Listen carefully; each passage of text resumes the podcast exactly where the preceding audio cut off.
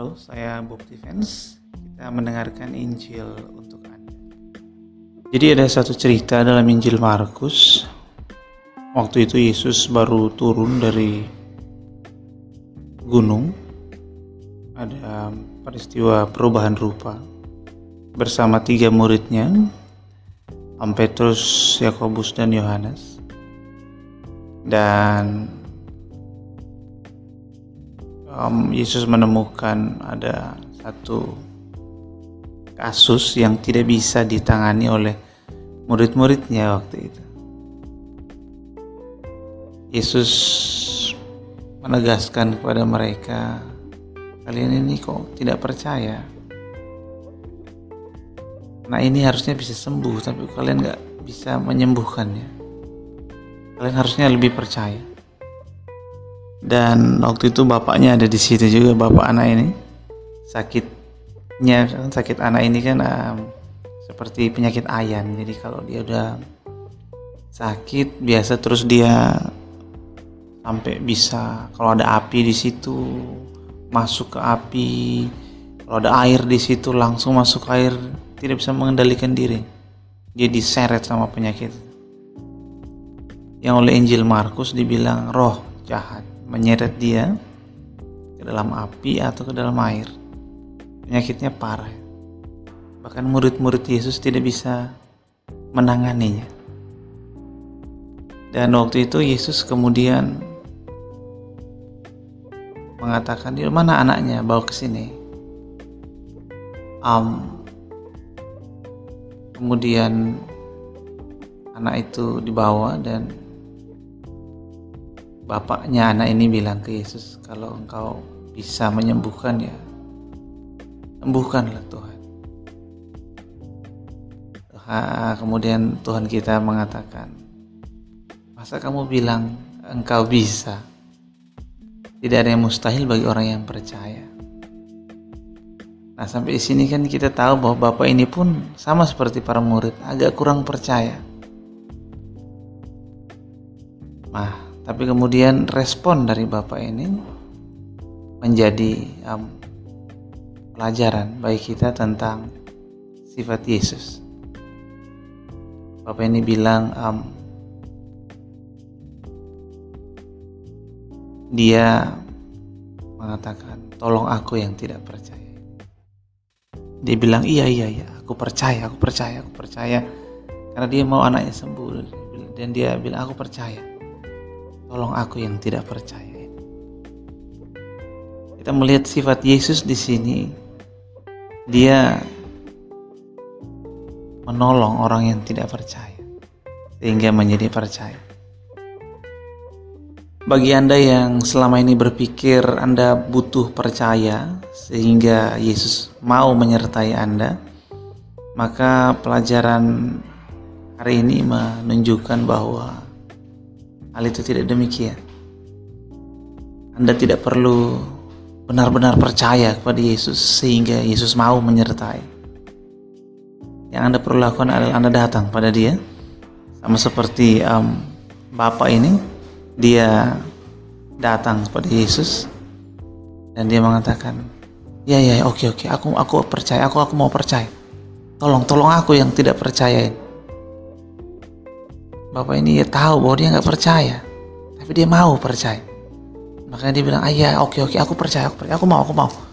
Tolong tolong aku, aku mau percaya, tolong aku, tolong aku supaya aku benar-benar percaya." Kita kadang memiliki kesulitan untuk percaya.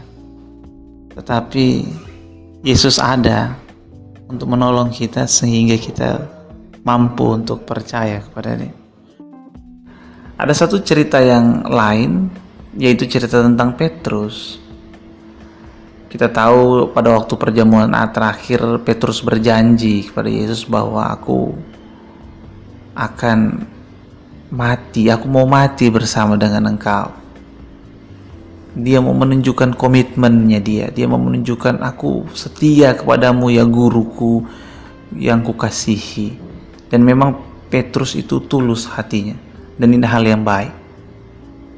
Nah, yang mau kita lihat di sana adalah bagaimana Yesus bersikap terhadap um, uh, janjinya, komitmennya Petrus kepada Yesus Tuhan kita.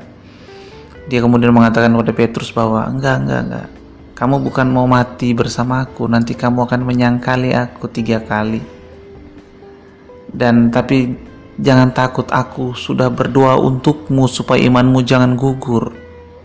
Dan kalau nanti kalau kamu sudah kuat, kamu harus menguatkan saudara-saudaramu.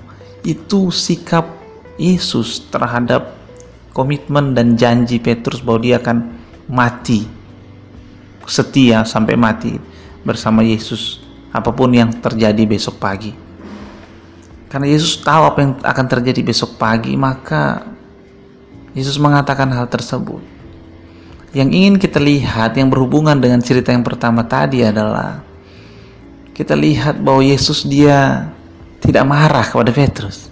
Dia tidak mengatakan, "Aku tahu kok besok pagi kamu akan langgar komitmenmu. Aku tahu kamu cuma omong besar aja. Besok kamu akan nyangkali aku. Yesus tidak melakukan hal itu. Dia justru mengatakan, Petrus, kamu nggak akan mati untukku besok pagi. Justru kamu akan menyangkali aku. Tapi aku sudah berdoa untukmu, supaya imanmu jangan gugur. Yesus memperhatikan apa yang perlu bagi Petrus. Yesus memperhatikan apa yang perlu bagi damai sejahtera Petrus. Dia tidak menuntut Petrus, dia justru menolong Petrus dalam pengkhianatan Petrus kepada Yesus yang akan dia lakukan besok pagi. Di sini kita melihat bahwa penyertaan Tuhan dalam hal ini kehadiran Yesus dalam kehidupan Petrus itu justru membuat Petrus yang tadinya menyala-nyala tetapi kemudian melanggar janjinya itu berubah menjadi seseorang yang memang setia. Niat baik Petrus tidak diikuti dengan kemampuan Petrus untuk melakukan niat tersebut. Tapi hal itu tidak diperhitungkan Tuhan sebagai sebuah kesalahan yang harus dimarahi, tetapi sebagai sebuah kelemahan yang didoakan oleh Yesus Kristus Tuhan kita. Jadi penyertaan Tuhan itu justru membuat Petrus itu menjadi diperbaiki sifatnya, kesalahannya diampuni dan dia menjadi pribadi yang jauh lebih baik. Dari sini kita melihat dari dua cerita ini, yang satu tidak percaya dia berseru, Tuhan tolong aku supaya aku percaya yang lain komitmennya baik, hatinya tulus, tapi nggak punya kemampuan. Tapi Yesus berdoa untuknya dan dia berubah. Dan ketika dia berubah, dia menguatkan saudara-saudaranya. Dari sini kita melihat bahwa kelemahan tidak membuat penyertaan Tuhan itu hilang. Kelemahan tidak menghalangi penyertaan Tuhan. Bahkan hal-hal yang kita tidak terlalu percaya, yang ragu-ragu, itu tidak menghalangi penyertaan Tuhan. Justru sebaliknya, penyertaan Tuhan membuat yang tadinya ragu-ragu, yang tadinya kurang percaya menjadi percaya. Yang tadinya suka langgar komitmen, yang tadinya suka omong besar, tapi tidak ada kemampuan menjadi punya kemampuan dan berubah menjadi lebih baik. Justru penyertaan Tuhan itu memampukan kita. Jadi hari ini episode ini Injil untuk Anda ingin menegaskan bahwa penyertaan Tuhan itu yang memampukan kita. Penyertaan Tuhan itu lebih besar daripada kelemahan kita, kesalahan kita, ketidakpercayaan kita. Jadi bagi Anda yang krisis kepercayaan, krisis iman, krisis komitmen, suka langgar-langgar komitmen, suka berkhianat, datang pada Tuhan, minta penyertaan Tuhan, minta kekuatan Tuhan. Sehingga sama seperti Bapak yang tadi di, kita diubahkan, Anda bisa diubahkan, saya bisa diubahkan menjadi orang yang percaya mengandalkan Yesus. Sama seperti Petrus, kita pun bisa diubahkan menjadi orang yang teguh percaya, komitmen teguh, kemampuan untuk melakukan komitmen juga teguh. Dari sini kita melihat bahwa penyertaan Tuhan itulah yang mengubah, memampukan kita, dan itu tidak ke mana-mana.